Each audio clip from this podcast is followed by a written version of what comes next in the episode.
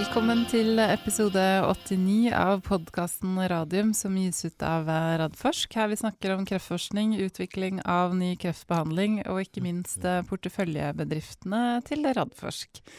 Velkommen tilbake i studio, Jonas Einarsson. Takk skal du ha, Elisabeth Andersen. ja, det, Vi har ikke vært her i studio siden juni. Nei. Vi har hatt sommerferie. Ja. Så har vi jobba en stund. Vi har jo gitt ut noen podkaster, men det var Arendal. Det var to mer helsepolitiske, men spennende, syns jeg, Ja. podkaster. Vi kan ta, ta litt om det på slutten.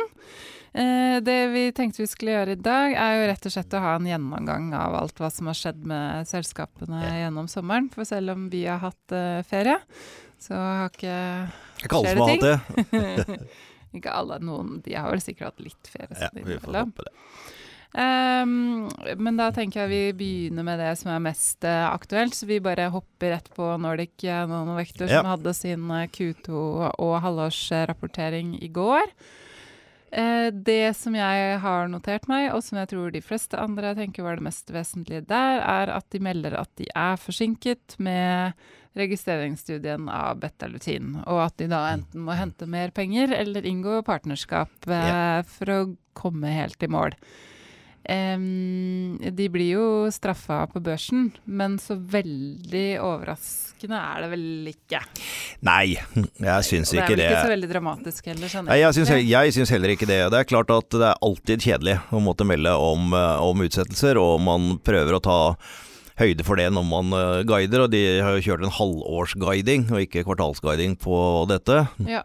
Eh, og så kan man si, eh, er det riktig som overskriften til Patrick Ling er i, i dag, at det er en er uh, Patrick Ling? Patrick Ling er analytikeren i, eh, i DNB. Ja. Så jeg leste hans analyse nå like før Ja. jeg gikk ned. Eh, han konkluderer jo med, med kjøp og target på 85, sånn at hans konklusjon er jo stikk motsatt av det markedet tenker i dag. Men eh, og hans overskrift er å utsette på seks måneder. Ja, kanskje det.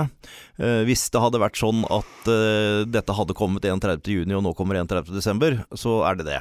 Men annet halvår er ikke 31.12, så det kan nok komme innimellom der. Men ja, det er en utsettelse. Og det har gått tregere Mm. med å få i gang sentrene enn de hadde regna med. Ja.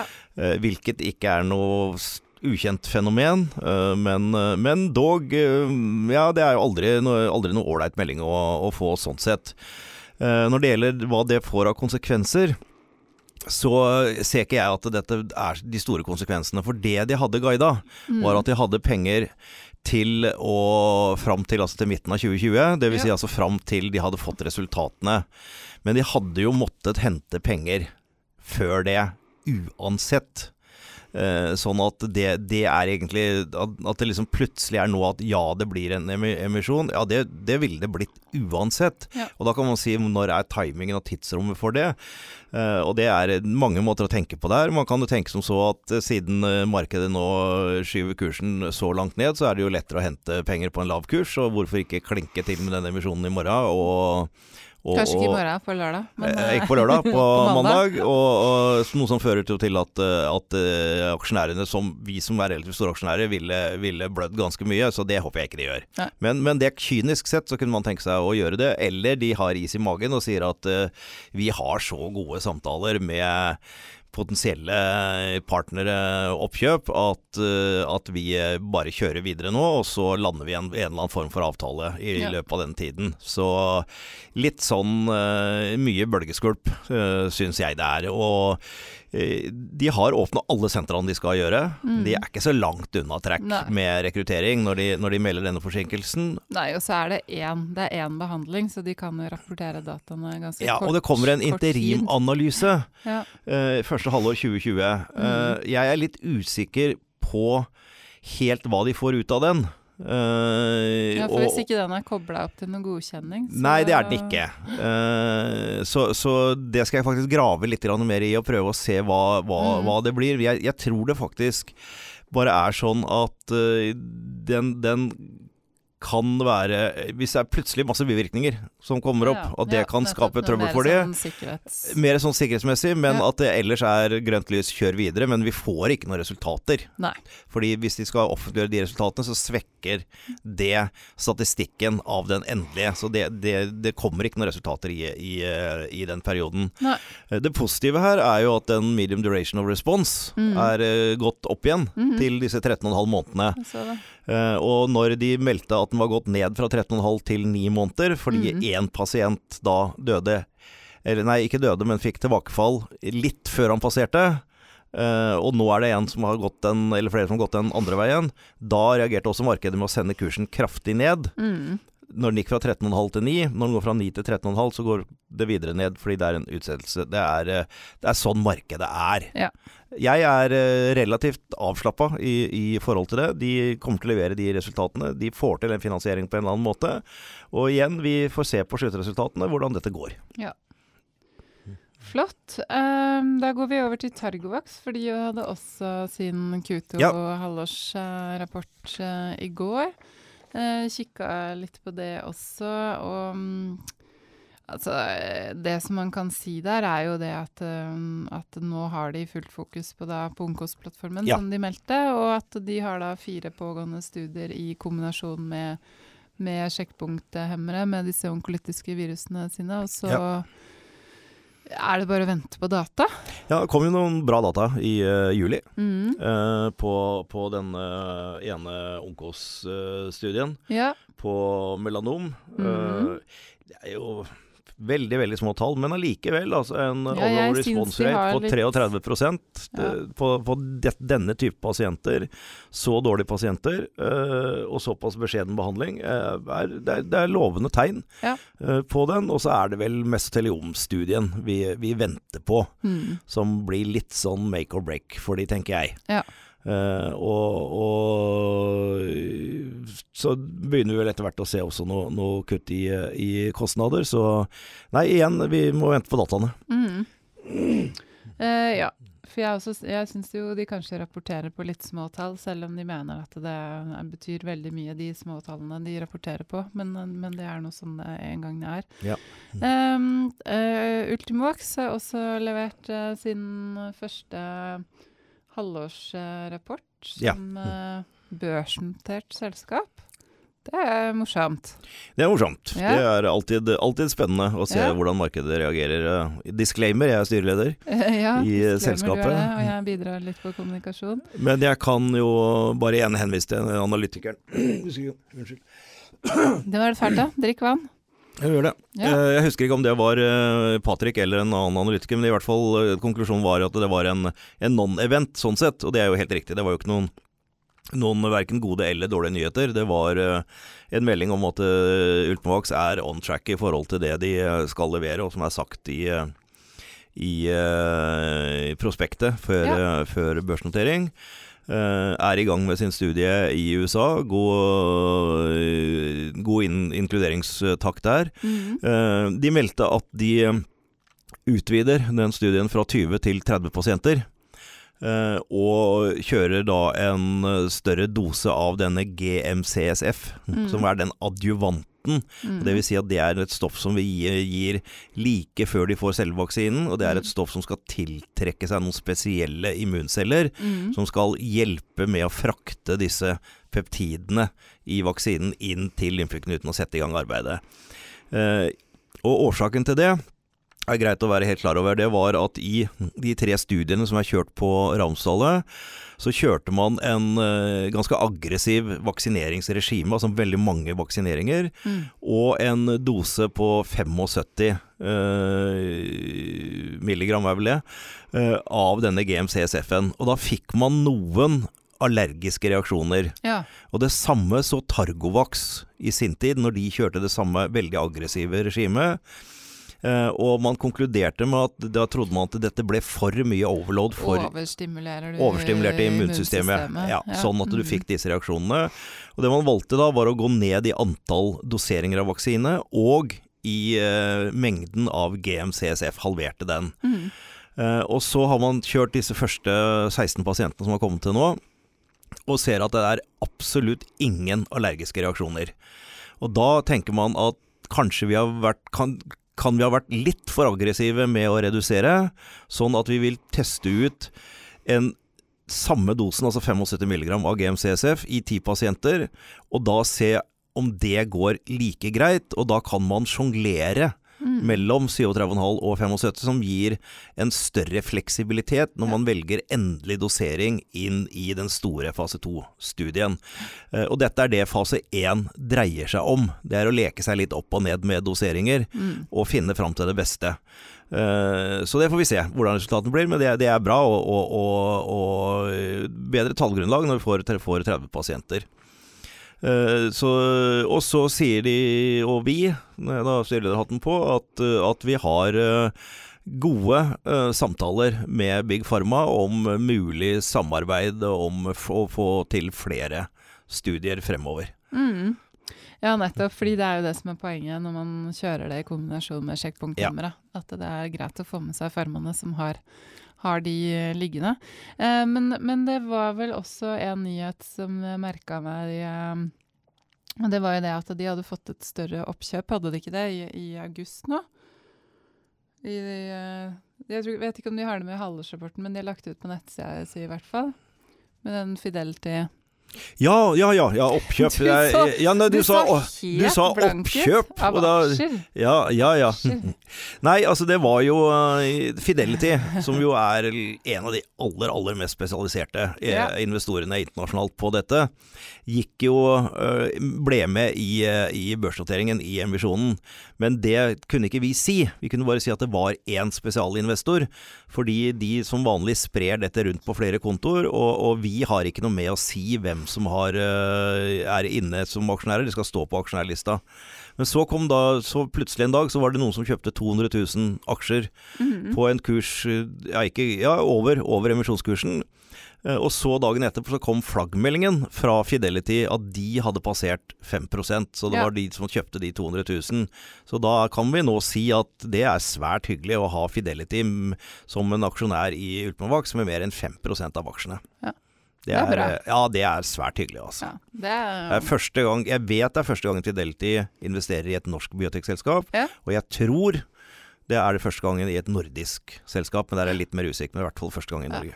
Det er bra. ja, og både på en måte bli med på børsnoteringa, og så kjøpe seg opp ganske Ja. kraftig like etterpå. Så det, ja. Da, da ser de noe de liker, tenker vi da. Det tenker vi da. Vi får lov til å tenke det. Eh, for å gå videre til andre, andre gode nyheter. Uh, Ung Community uh, de har jo da blitt kjøpt opp av den japanske teknologigiganten NEC Corporations. Ja. Og skal fra nå av hete NEC On Community AS. -hmm. Og i det ligger det at de fortsatt skal være her i Innovasjonsparken. Ja. Ehm, og det som er litt kult eh, akkurat med det, er jo Én ting er liksom selve, selve oppkjøpet, men det andre er jo at eh, det er jo en anerkjennelse av det man gjør her innafor kanskje det som på en måte er litt mer sånn blackboxen vår innafor kunstig intelligens, helsedata. Eh, Jeg har skjønt det sånn at NEC Corporations eh, også skal ha på en måte folk på bakken her. Ja, nei, dette, dette er svært hyggelig. Og, og viser nok en gang at når vi bygger disse kunnskapsbaserte selskapene våre, med kunnskapsbasen her i Norge, ikke bare i selve selskapet og community, men, men også da med at de jobber så tett sammen med det kliniske miljøet og forskningsmiljøet her, eh, at det er på en måte det samarbeidet og den utviklingen. Dette springer jo ut fra, fra folk som har jobbet her på Instituttet for kreftforskning tidligere. Ja. Uh, og, og da sier at det, skal vi utvikle det videre, så kan vi liksom ikke ta disse 16 menneskene, som faktisk er fra tror jeg, 12 forskjellige nasjoner, ja, stemmer. eh, og flytte de til Japan. For det første så er det ikke sikkert at de vil flytte, og for det andre så blir de da måtte rivd løs fra forskningsmiljøet sitt. Mm. Så det, det Jeg snakket med han, eh, en av toppsjefene i Neck Corporation når, når de hadde den lanseringen av dette. Og han sa veldig tydelig at deres satsing innenfor eh, AI eh, innen eh, bioteknologi, den skulle drives fra Norge. Ja. Så han som er sjefen for den AI-satsingen, han skal nå tilbringe halvparten av sin tid her i Oslo Mm. sammen med disse forskerne og ta med seg flere fra Japan for å utvikle dette her i Norge. Så selv om det da ble solgt ut til Japan, så er det et norsk selskap, og det skal utvikles videre i Norge. Mm. Og det liksom understreker den filosofien vår at bygger vi god nok kunnskapsbase, så vil det samme skje som skjedde med Algeta, og som nå har skjedd med med Oncoimmunity, at vi ikke mister det, men får bare mer finansielle muskler og kompetanse inn i miljøet vårt. Mm. Og det er jo liksom eh, sa til Bjørn Klem, som er sjef for vår inkubator i Innovasjonsparken, at du har ikke noe imot å sette en Han har en sånn vegg med alle plakettene på alle som er eh, inne, alle selskapene i inkubatoren. Så du har ikke noe imot å sette opp en plakett hvor det står Neck Corporation som en del av inkubatoren din. Nei, han var fornøyd med det. Ja. Det, det har han all grunn til å være. Men det blir spennende å fortsette å følge med, med på de. Um, da tror jeg vi skal gå over til PCI og Biotech. De har ikke hatt uh, sin halvårsrapportering uh, enda. Den er neste uke, Ja, så vidt jeg den er husker. er uka. neste onsdag. Ja. Um, men de har jo hatt eh, i hvert fall meldt at de har forlenget samarbeidet sitt med Topp 10-forma. Ja. Ja, som ikke vi aner hva er for noe. Uh, og så har vi fått inn Det er det selskapet vi har fått inn uh, noen spørsmål på. Ja, si til den, den forlengelsen Ja. at den ord, blir litt spekulasjon, men ordlyden var litt annerledes, sånn at man kunne godt lese det som at nå ikke bare var en seks måneder forlengelse, men at de faktisk da skulle ta en avgjørelse på hvordan de skulle samarbeide videre. Å ja. At det ikke bare blir nye prekliniske seks måneder. Det er ja. litt sånn tolkning, men, men jeg tolker det sånn. Ja. Det er litt spennende. ja. Eh, men i hvert fall denne lytteren eh, Han har snust opp at det er kanskje på trappene et nytt samarbeids... Nei, satsingsområde for PCI, noe som kalles FIMA-BAC. Som går på at man kan bruke PCI, altså den fotokjemiske inter internaliseringen. Det er så vanskelig å si det der. For å øke effekten av antibiotikabehandling. ja, Og det høres jo ekstremt eh, både viktig og bra ut i en verden hvor eh, antibiotikaresistens brer seg. Ja. Vi, vi har vært inne på det Mhm. eh, tidligere i en tidligere podkast. Ok. og Godt meg huske Ja, er, jeg syns det er kjempespennende. Ja. Uh, det er veldig, veldig early days for det. Men man kan jo tenke seg at det er sånn at en av altså Da må en av utfordringene være at det, det, det, disse antibiotiske molekylene blir fanga inn i endosomer. Ja, ikke og, sant? Og, ikke sant? At det, Ja. For det er jo det Det de løser, er Ja. jo å, å løse opp endosomet og slippe løs det molekylet som, Mm. som ellers ville blitt nedbrutt. Uh, og hvis det er tilfellet, uh, så kan man tenke seg ja, da kunne det være spennende å lyse på det. Men så igjen kan du tenke hvordan får du lyst på bakterier? Mm. Uh, de er jo ikke ett sted. Nei, er Eller er det sånn at hvis du f.eks. har sår, som, som eh, jo ofte er eh, kroniske sår, som kan være hvor disse forskjellige resistente setter seg, at man kan bruke en lokal antibiotika og en lokal belysning Mm. på f.eks. liggesår eller kroniske diabetesår, den type Mm. ting, eh, så kan det kanskje være en løsning. Mm. Men, men jeg har litt, litt vanskeligere for å se for meg at uh, hvis du har en generell infeksjon i kroppen, At det så kan fungere. jeg Ja, hvor skal Ja. du lyse hen da? Nei, jeg vet ikke. Men, men, men det er veldig spennende, og de, Mm. de, de har jo nevnt det selv at det kan være, være en mulighet. Mm. Så, og det forskes på Innenfor PCI-teknologien så forskes det. Ja, Uh, det kan man trygt si. ja, og vi, vi vet jo det, fordi at Ja. vi lyser jo ut uh, midler til Mm. PCI og PDT-forskning en gang i året på Radforsk. Eh, og det er eh, utelukkende, eh, så godt som, PCI-forskning. Mm. Og det er flere spennende prosjekter vi støtter der nå. Blant annet på hjernekreft. Blant annet på glioblastom, som også er veldig, veldig spennende. Hvor mye av det som ligger innenfor PCI, er jo avhengig av om det er nye ting som blir funnet på, om det er nye patenter, Mm. eller om det er innenfor PCI-teknologien. Så, så det er ikke sånn at hver gang det kommer noen forskningsresultater i PCI, nye ting, at det automatisk er PCI Biotech sin Nei. eiendom. Det er, det, det er, her er det mye IP-politikk og Ja. sånn som Ja. må inn, bare så man liksom ikke tror det at alt, alt, Alt som har med PCI i verden er selskapet, ja, liksom. ja. Ja. Mm. Men, men eh, det er veldig spennende at det foregår forskning der. Mm. Eh, og så er det visstnok feila en eh, patentsøknad knyttet til PCI og mRNA. Jeg vet ikke om du har fått sett eh, noe på det? Jeg har ikke sett på den pasientsøknaden, men, men, eh, men dette, er, dette er områder som har vært forska på hele tiden. Både, Ja. både det som heter SI-RNA og mRNA, og som er har, har ligget sånn i skorpa til å bli noe som man kan bruke innen medisin, men, men der har leveringsteknologien Uh, igjen vært den store utfordringen. Så, så jeg syns det er helt naturlig at de, hvis de har fått feila et godt patent på også innenfor mRNA, så, så kan det godt være det, liksom det nye hotte Mm. som, som kommer. Det er mye forskning innen området. Mm. Så bra. Men da får vi vente og se hva de melder eh, neste uke på, på halvårsrapporteringa. Ja.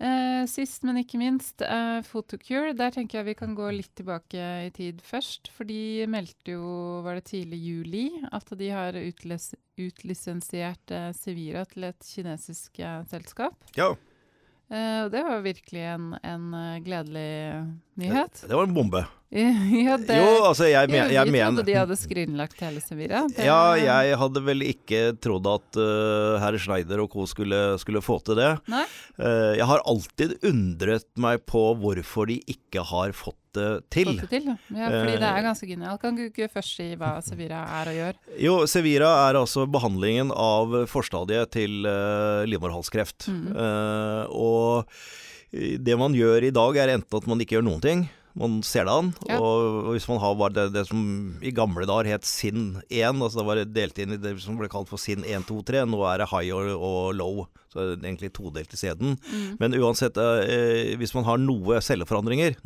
så ser man det an. Og veldig ofte blir det borte av seg sjøl. Ja. Eh, Men hvis det da blir mer alvorlig, som sin 2 og 3, så, så er behandlingen i dag er kirurgi. Mm. Da, da, da tar man altså og skjærer bort den eh, ytre delen av eh, livmorhalsen. Mm.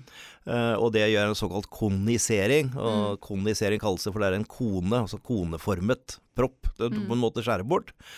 Eh, og da er du som regel frisk av den. Men det er kirurgisk inngrep. Mm. Og for eh, jenter og damer i fertil alder, så, Så kan det være Ja, det er en større risiko for Ja. prematur fødsel. Ja. Så det å få en, eh, en erstatning for kirurgien, ville man tro skulle være veldig positivt. Ja. Og det man har gjort da, det er at man har, har funnet uh, fram til en sånn uh, liten kopp. Mm. eh, som eh, litt sånn uh, tilsvarende gammeldags pesar, for den som husker hvordan eh, det så ut. Som altså en kopp som noen legger rundt livmorhalsen. Mm. Uh, og den, legger, den bare setter man inn, som omtrent man setter inn en tampong. Mm. Uh, og så er det den, den kremen da som er i den. Og så etter to timer eller uh, tre timer, jeg husker ikke, men etter noen timer, Mm. så slås det automatisk på et lys inni den koppen. Som da gir den lyseffekten som Man får litt sånn Reodor Felgen Det er litt sånn her. eh, Ja. Vi, vi snakket om vi, vi snakket om administrerende direktør i Oslo Cancer Cluster Inkubator, Bjørn Klem i stad. Ja, ja. Den der blir populært kalt for Klemkoppen. Ja. For det er han som har uh, stått bak utviklingen av den. Mm. Uh, og så når den lysinga er ferdig, så bare tar man det ut uh, som en, en vanlig tampong og, Mm. og kaster rett i søppelbøtta. Ja. Og da er behandlingen ferdig. Ja. Eh, resultatene fra deres fase 2B-studie var jo svært overbevisende. ja, ja, ja, de var kjempebra. Fikk seg en sånn Akkurat da forandra de den graderingen fra Mm. SIN til eh, high-low. Sånn at de måtte gjøre analysene helt om igjen. Ja. Det, det ble noe utsettelse på det. Men så har de ikke fått noen til å nappe på det der. Eh, og det kan være mange årsaker til det. Eh, det kan være det at uh, altså når leger har gjort kondisering i alle år, så er leger av en eller annen merkelig grunn ikke så veldig enkle å snu. Fryktelig konservative Ja. i forhold til å ta i bruk en del nye metoder.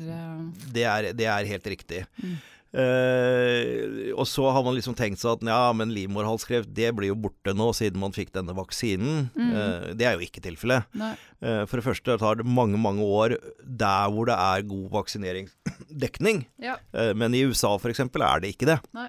Jeg husker ikke tallene, men jeg mener jeg har lest 40 Ja, eh, dekning. Så dette er og blir et stort problem, og spesielt er det det i Asia. Ja. Eh, og så er det spennende at det er et kinesisk selskap som uh, kommer inn. Mhm. Og at de faktisk fikk til en avtale som også gir eh, sign on-fee mm. og relativt tidlige milestones. Fordi ofte når vi lisensierer ut, som vi har gjort tidligere, da, så har det vært i så veldig tidlige faser at det tar liksom ti år før det blir noen inntekter. Her skal de direkte i gang med en registreringsstudie. Ja. Eh, Det her kan gå kjapt, for her har de jo mye data. ja, eh, og, og penger i kassa nå. Ja. Så får vi se hvordan altså, Beløpene er jo ute, men hvordan de blir inntektsført. Så det er ikke sånn at det beløpet som det var snakk om eh, 250 millioner Ja, det er sånn to- US dollars. Det er inkludert en, en sign-on-fee, som Ja. er jo relativt lav som vanlig, og så er det milestone-utbetalinger Ja. etter hvert som det kliniske løpet. Så det, Royalties. Ja, også royalties. Men dette er fortsatt biodollar, som vi kaller det, da. Men, øh, og det, det, det vil si at det er ikke, det er ikke penger som ligger på bordet. det høres ikke ut som det var så god valuta. Nei da, men, men jeg syns det er veldig positivt at det faktisk er penger på bordet med en gang. Så nei, dette, dette syns jeg var veldig hyggelig. Mm. Eh, og de hadde jo sin eh, halvårsrapportering eh, ganske tidlig. Eh, og i hvert fall det jeg tok med meg fra den, var jo at de fortsetter å, å øke, altså vokse i USA. Nå hadde de jo 41% omsetningsvekst igjen. Ja. Eh, og sånn det ser ut som, så har de jo et vanvittig potensial for, for eh, videre vekst, spesielt eh, i, i USA. Og nå er det vel nær sagt i en monopolsituasjon. Ja, det er, det er ikke noen konkurrenter til de, eh, til de nå på, på noen som helst eh, måte. Og så er det mye spekulasjoner at ja, men hva hvis det kommer bedre tester? Man, man kan finne ut tidligere enn før at man Men du må likevel fjerne Ja, de Ja. må allikevel fjerne. De må i hvert fall inn og sjekke. Ja. Og da er jo dette den beste og kan gjøres i surveillance, altså overvåkningsmarkedet. Mm. Og flytte det ikke bare fra overvåkning som er etter at man har gjort noe, men til og med å gå inn og se om det er noe. Ja. Eh, jeg, jeg, jeg så fast ved jeg og gjentar at eh, jeg kan ikke skjønne annet enn at den går bare rett, rett til vers, Ja. Den, eh, det, det selskapet der nå. De, er, de bør er ha liksom tatt, tatt av. ja, bør ha god kostnadskontroll nå, og hvis jeg forsto det riktig, så mener de at de omtrent har nådd det der de skal være kostnadsmessig. Og så nesten er break even da. Da må det vel bli pluss, da, tenker jeg. Med sånn enkel matematikk ut? Ja, relativt enkelt. Da satser, satser vi på det. Um, da tenkte jeg vi kunne gå over til å prate, prate litt om oss, men vi kan ta en bro over til uh, via selskapet, fordi uh, vi har faktisk da vært med å sette opp enda et selskap. Uh, Hubro Therapeutics, som også har blitt da finansiert opp nå sammen med, med Investinor. Ja. Og her er det en gammel kjenning ute og går i en CEO-post. Eh, Kan ikke du fortelle litt mer om, eh, om selskapet, som da Jon Amund eh, Eriksen. Eriksen, ja. Skal lede? Ja, øh, Jon Amund er jo en av de, øh, de, de som var med helt tilbake fra Hydro-tida, sammen Mm. med Gustav Gaudnok og Mona Møller øh, den gangen. Uh, og Jon Amund var jo med i uh, Gemax, som Mhm. var f- den peptidvaksinen som var forløperen til Ultimovax. Som går da på dette, denne targeten som heter telomerase, eller HTERT, som Ultimovax nå utvikler i, en, eh, i sin eh, UV1. Eh, og så Det som skjedde, var at disse, disse forskerne fant tre veldig gode targets. Og target i form av at det var noe som bare var i kreftceller, og som kreftcellene var avhengig av. For å, altså En sånn skikkelig driver mutation, det var telomerase. Mm. Og så var det KORAS, som er TG-plattformen Mhm. til uh, Torgovax. Eh, og det tredje var det som går på det som heter MSI. Eh, altså mikrosatellittinstabilisering, Ja. eh, som er eh, en, et velkjent mål nå. Mm. og. Men hvor- det var vel neppe det, det på den tida? Nei, det var det, det var det ikke. Men det var de tre. Ja. Og så utviklet vi da til den første Telemrase gjennom Gmax, den andre gjennom Ultimax, Koras-plattformen gjennom Targovax. Og så sier Jon Amund at eh, kan vi ikke se om vi også kan eh, For vi tror at peptidvaksiner blir veldig hot, og at Ultimovax baner veien for det. Mm. Og hvis de først gjør det, så vil det også være behov for å angripe flere mål enn bare telomerasen. Og da kan man tenke seg at det kan gjøres i kombinasjoner eller hver for seg. Så det vi skal gjøre med, med Hubro, er rett og slett at vi Jon Amund har funnet det riktige peptidet, Mm. eh, og det har vi patentert. Mm. Eh, og vi har produsert det, og vi har gjort litt prekliniske forsøk som Mm. viser at ja, dette er immunogent. Det, vi, vi tror dette også kan være et, eh, et aktivt peptid. Og så har vi satt opp Hubro Therapeutics, hvor da, som du sier, Investinor og to private investorer har gått inn sammen med, med Radforsk. hvor vi rett og slett skal gjøre ferdig et preklinisk program for å dokumentere eh, safety.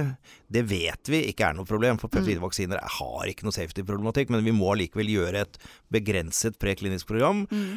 Og gjøre dette i cellemodeller og i dyremodeller for å vise at vi får denne immunresponsen. At vi lager, da i dette tilfellet CD4-celler som gjenkjenner disse MSI-mutasjonene, eller de, de, disse spesielle mutasjonene som er i, i patentet der. Mm.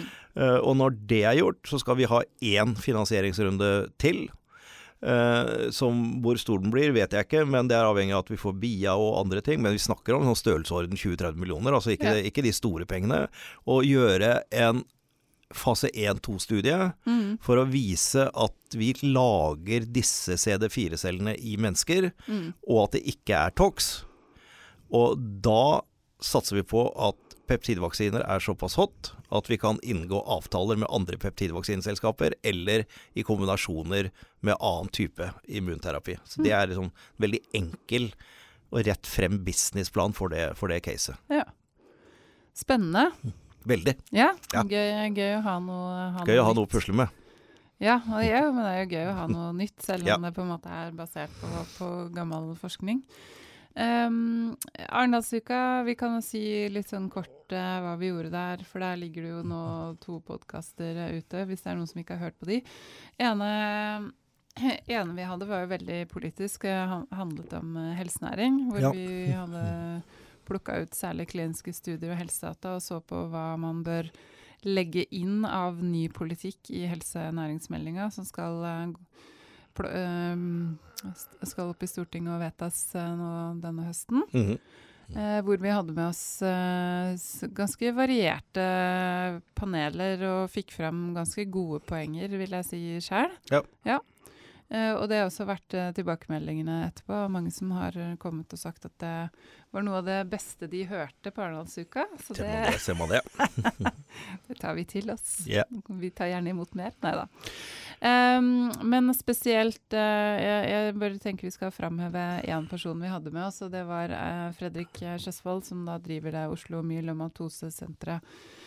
Ehm, og som nå skal, skal ta Eller skal, egentlig skal i gang med noen nye kliniske studier på bruk av CAR-10. Mhm. Eh, og som har støtt på noen eh, uforutsette norske byråkratiske hindre. det vil si, de var vel litt forutsette også. Ja. ja eh, fikk akkurat høre at det kommer en større sak om det i Aftenposten til helga, så det er bare å, okay. se. Ja. Men, men man kan jo ikke ha det sånn i Norge at man på den ene siden sier ja, vi ønsker kliniske studier, og på den andre siden har et regelverk som setter kjepper i hjula på det. Nei. Det er fint at det blir satt uh, Funker ikke. Nei, det må bare gjøres noen, Ja. noen endringer i, i lovverket. For det er, jo, det er jo tilpasset genmodifisering hos planter og dyr, mm. det vi har i dag. Og, og det blir ikke, Ikke det samme eh, innen humanmedisin. Uh, så alle er på en måte klar over, Ja. over problemet, og det er bare å få fyrt nok opp og under noe enten politisk eller byråkratisk til å gjøre disse endringene kjapt. For vi, Mm. hvis vi mister de studiene nå, Og Det gjelder det samme som vi også diskuterte med, med at vi ikke har på plass et uh, system for å sekvensere genomet til pasientene som skal inn i kliniske studier. Såkalte genpaneler? Genpaneler. Som, ja. sånn, for de, disse selskapene de vet jo at det medikamentet de skal gi, det skal angripe en viss eller flere form for mutasjon og feil i gener. Men da må de vite om pasienten har det eller ikke for at den skal bli inkludert i studien. Mm. Og hvis vi ikke har det, og vi har det ikke på plass i dag, så får vi ikke de kliniske studiene. Og om vi får det om to år, så er det for seint. Ja. For da er det, dette etablert i Danmark, Sverige og andre steder. Mm. Så dette er liksom sånn sense of urgency. Det må gjøres nå. Mm. Eh, så var det veldig hyggelig da at Kjetil Taskeen på, fra Universitetet i Oslo, leder for Institutt for kreftforskning, mm. faktisk hadde fått lov til å legge frem at de holdt på å jobbe med det. Ja, så bra. Og, og, og re kommet relativt langt. Men, men, her trengs det også at noen tar tak i det kjapt. Ja, ja. Og dette bør kunne være et privat-offentlig samarbeid. Ja. Big Pharma er garantert interessert i å være med et spleiselag for å få dette opp å stå. Mm. Eh, absolutt. Eh, den andre podkasten vi hadde, var på, på, genterapi. Apropos CAR-T, det er jo definitivt en, en genterapi. Eh, der vi snakka litt om hva som kommer, for her kommer det jo veldig, veldig mye ja. ting. Og vi hadde med oss et uh, politikerpanel med uh, hva skal man kalle de, unge lovende politikere. Ja. ja det var veldig ålreit. Um, og det er jo et spennende felt hvor man er langt framme i Norge, og hvor vi også har veldig lyst til å etablere et sånt nordesenter for celle- og genterapi. Ja. Uh, for å på en måte spisse oss uh, innafor et uh, nytt lovende felt. Vi har alle muligheter til å være med, være med der. Mm. Vi, mhm. vi, har en sånn liten blackbox, missing link, imellom mellom akkurat den kliniske forskninga og, og, når man skal ha det ut i selskaper og la, lage produkter på en måte. Svært komplisert. Ja. Uh, og igjen, her må det et privat-offentlig samarbeid til for, ja. å, for, å, få det til. Og det, det, det jobber vi med. Så det, det, tror jeg vi kan få til. Og vi har jo selskapet vårt Celuna, ja. som jo jobber med dette som heter TCR, T-cellereseptor, som er en annen form for CAR-10.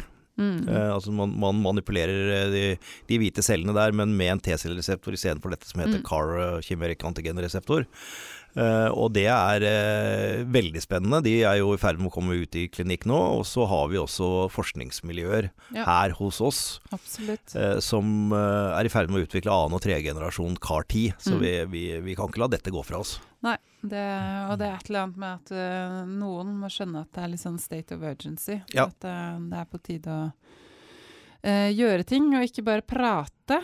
Som uh, Anne Kjersti Falvik i Forskningsrådet sa, nå har det vært nok prat, nå må det handling til. Ja. Og det er vi veldig enig med henne i. Det var som den gamle Maxbo-reklamen. Det skjer ikke noe før du gjør noe, vet du. Nei, det er rart med det der. Man kan sitte og vente på at noen bygger den plattingen, men ja. det, da venter man stort sett forgjeves hvis du ikke har bestilt uh, hjelp, hjelp, av noen.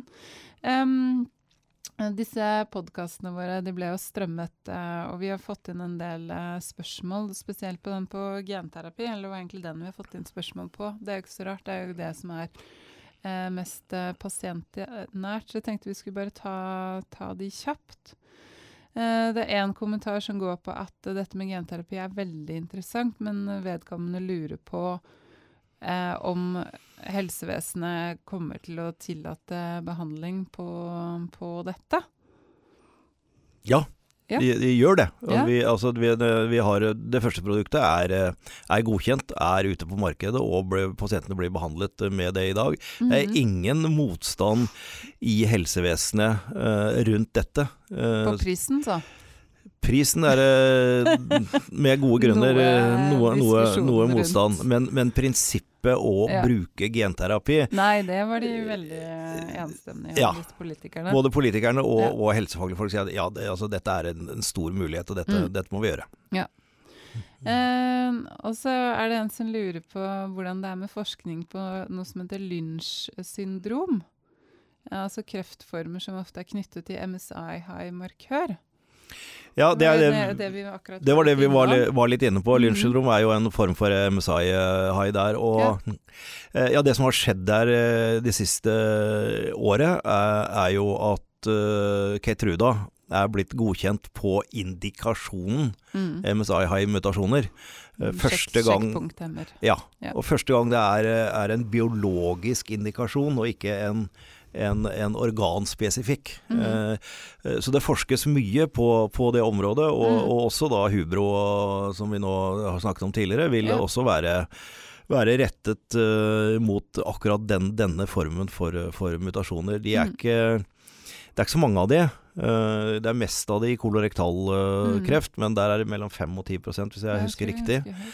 Eh, Men til sammen over alle kreftformer så er det jo mange tilfeller, og hvis vi kan finne et godt angrepsvåpen mot et så konkret target, så kan det gi gode resultater. Ja.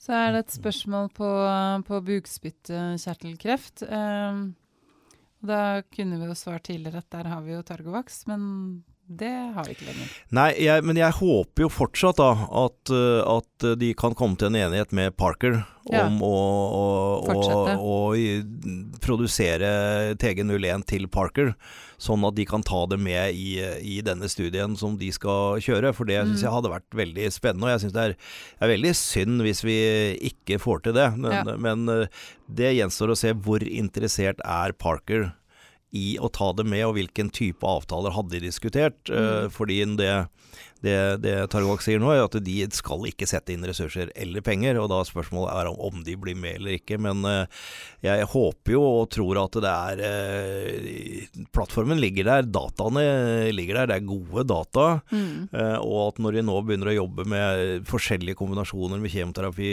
checkpoint kanskje kombinert både med, med, med, med CETLA4 og PD1, PDLN, Mm. at noen ser viktigheten av å også kunne lage disse CD4-cellene som Mm. er spesifikke, og kombinere med, med TG01, da, ta den med i en sånn storkombinasjonsstudie. Mm. Eh, Jeg tror at det er en mulighet for det, for det enda, og håper i hvert fall det.